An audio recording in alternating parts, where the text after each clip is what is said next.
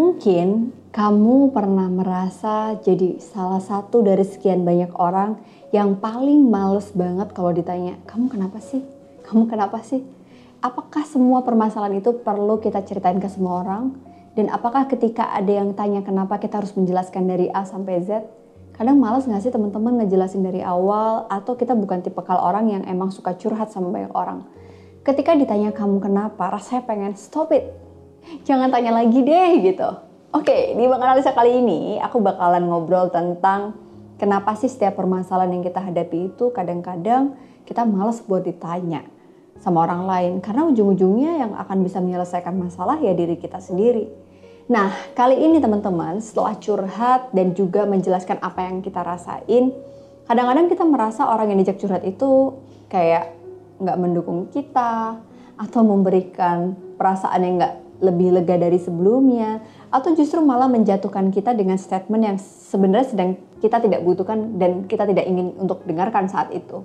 Dan bisa jadi kalaupun misalnya kita tidak memahami situasi ini, kita tuh justru kayak merasa defensif dan mencari pembenaran atas apa yang orang lain katakan saat kita curhat.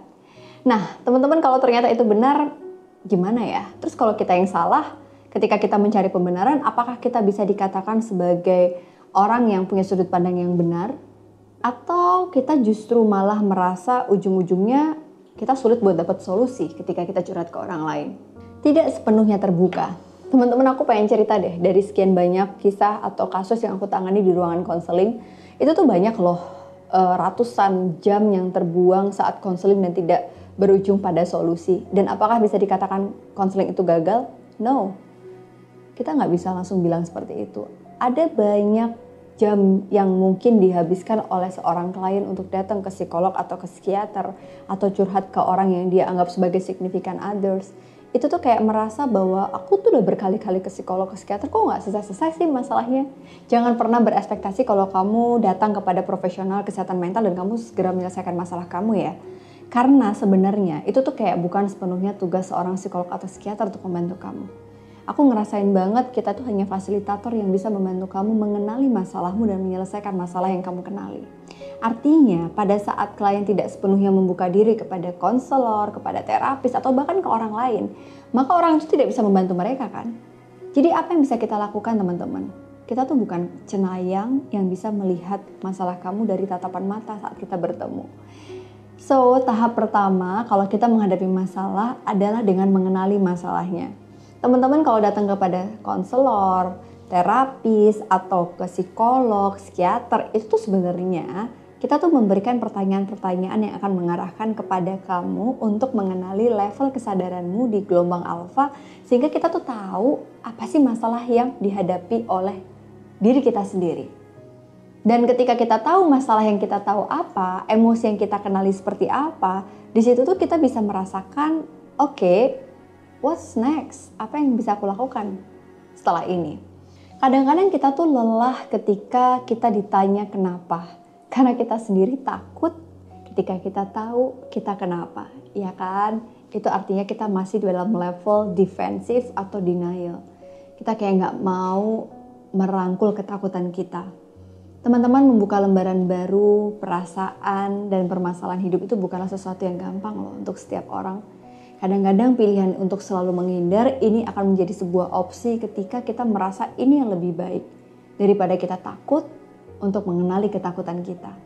Dan kadang-kadang kita takut dikecewakan oleh kenyataan atau pahitnya kehidupan. Dan takut-takut yang lain padahal sebenarnya ketakutan itu hanya masih di level persepsi kita masing-masing. Tapi rasa tidak nyamannya itu berhari-hari dan sebenarnya yang bisa menggambarkannya adalah diri kita sendiri bukannya tidak ada solusi loh ya, tapi kadang-kadang kita nih yang tidak mau mengaplikasikannya. Teman-teman pernah nggak sih ngerasa kalau curhat ke teman itu yang ada malah justru kita bikin pusing lah, nggak dapet solusi ya. Apalagi kalau kita ke psikolog dan kita udah bayar mahal, ternyata kita nggak dapet apa-apa. Ujung-ujungnya kita malah justru merasa makin stres karena kita tahu apa yang sebenarnya terjadi pada diri kita. Well, sebenarnya itu tahap yang baik loh. Kamu sedang membawa dirimu pada level kesadaran diri jadi tugas kita sebagai profesional itu adalah membuka kesadaran kamu tentang apa yang kamu ketahui tentang diri kamu. Dari situ kamu punya satu gambaran seperti apa yang kamu harus lalui dalam jalan penyelesaiannya. Dan bisa jadi yang paling tahu adalah diri kamu sendiri. Orang lain hanya sifatnya membantumu untuk menemukan jalan keluar. Oke teman-teman, nggak bisa dipungkiri ya kalau di kesimpulan ini adalah salah satu yang bisa kamu ambil bahwa setiap masalah selalu ada penyelesaiannya.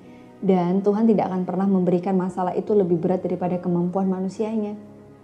Dan tugas kita sebagai manusia adalah berjuang semaksimal mungkin. Hasilnya kita bisa pasrahkan kepada yang punya kehidupan. Thank you dan nonton Alsa Channel dan semoga habis ini kalau kamu lelah ditanya kenapa, Coba deh kamu mulai dengan tanya ke diri kamu, kenapa ya? Kenali dirimu, maka kamu bisa menyelesaikan masalahmu. Terima kasih dan nonton Asa Channel. Bye.